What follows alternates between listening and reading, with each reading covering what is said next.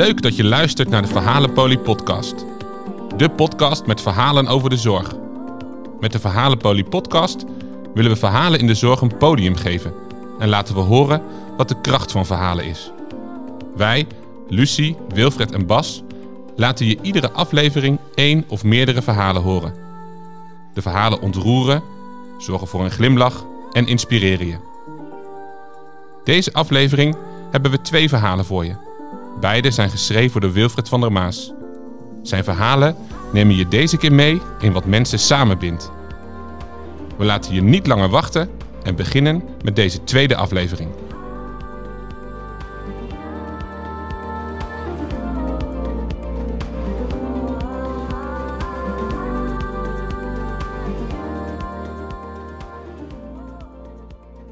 De bus. Ik fiets het erf op. Ik moet even uitwijken. Er staat een grote bus. Ik kijk er even naar en trap door. Ik kom immers voor Leni. Leni woont samen met Bram op een grote boerderij en lijdt aan een dementieel syndroom. Ze is vergeetachtig en weinig actief. Ze slaapt veel, ook overdag. Lopen gaat bijna niet meer, hooguit een paar meter. Met hulp van medewerkers van de thuiszorg en familie zorgt Bram hier op hun boerderij voor Leni. Ria, de case manager dementie, belde mij eergisteren. Wilfred, wil jij eens kijken of het lopen in huis nog veilig is? Ik maak mij daar zorgen om en wil niet dat er ongelukken gebeuren in het huis van Leni en Bram. Met deze vraag in mijn achterhoofd bel ik aan. Bram doet open en na een korte begroeting loop ik achter hem aan naar binnen. Ik praat met Bram en Leni. We drinken samen koffie en gaan daarna aan de slag. Bram en Leni laten mij zien hoe zij zich samen bewegen door het huis. Ze staan samen op van de bank en lopen van de bank naar de keuken en weer terug. Even later zit Leni weer op de bank naast mij. Mijn indruk? Een zeer betrokken echtgenoot, een man en vrouw die prima samenwerken en een duo dat zich met een paar tips uitermate goed redt. Ik heb een vraag, zegt Bram. Vertel, zeg ik. Kunnen we dit ook nog een keer oefenen in onze camper? We gaan namelijk volgende week op vakantie naar Noord-Frankrijk. Het blijft even stil. Ik probeer de puzzelstukjes in elkaar te zetten. Camper? Noord-Frankrijk? Bram en Leni, samen, met zijn tweeën, met een camper. Verbaasd hoor ik mezelf vragen: Samen? Met een camper? Hier in huis gaat het aardig goed. Maar op vakantie met een camper? Het duizelt even in mijn hoofd. Even later loop ik met Bram naar buiten, naar de bus. Bram vertelt mij dat hij deze bus heeft omgebouwd tot een camper, zodat hij nog met Leni op vakantie kan. Hij laat mij de camper van binnen zien. Het is een gelijkvloerse miniwoning geworden met voorzieningen om samen met iemand in een rolstoel te reizen. Een lift, twee losse bedden beugels en handgrepen op slim bedachte plekken. De mogelijkheid tot wassen staat aan het aanrechtje en ruimte voor samen eten. Overal heeft Bram aan gedacht. Ik kijk er nu al naar uit. Alle vrijdagen dat Leni naar de dagbesteding gaat, heb ik eraan geklust. Nu is hij klaar, vertelt Bram mij trots.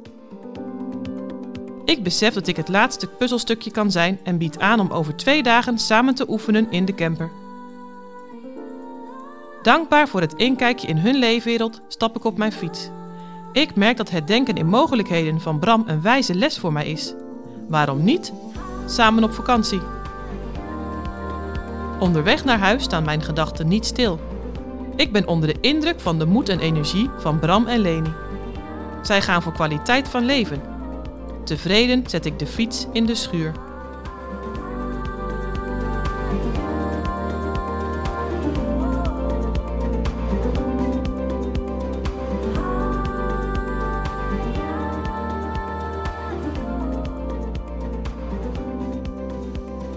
Riet.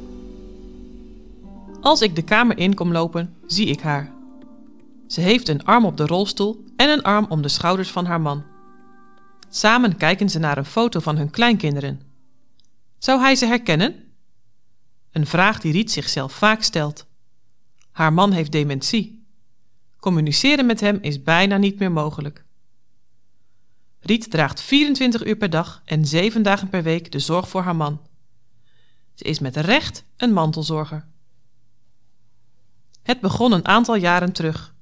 Haar man werd trager, was soms gedesoriënteerd en stelde vaak dezelfde vragen. Hij werd passief.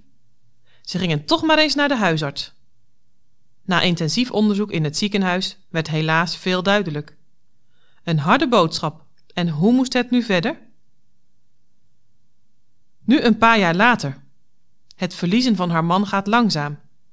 De slaapkamer met hun gezamenlijke bed is ingeruild voor een eenpersoonsbed in de woonkamer.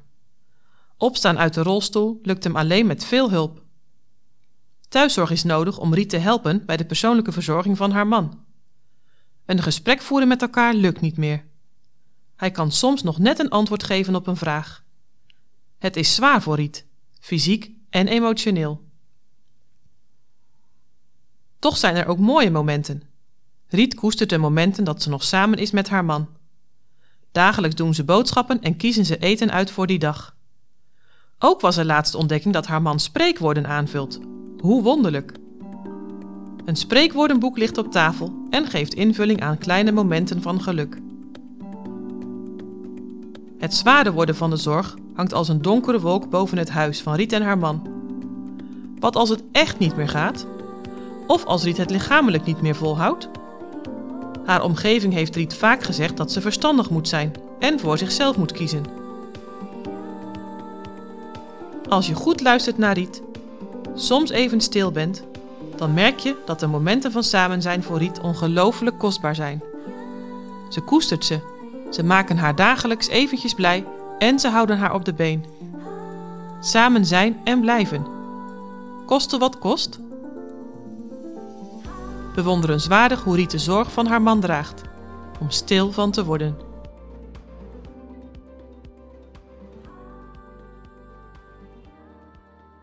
Dit was de tweede aflevering van de Verhalenpolie podcast. Gemaakt door Lucie van der Maas, Wilfred van der Maas en Bas Schepers. Ramiro Martina verzorgde de montage.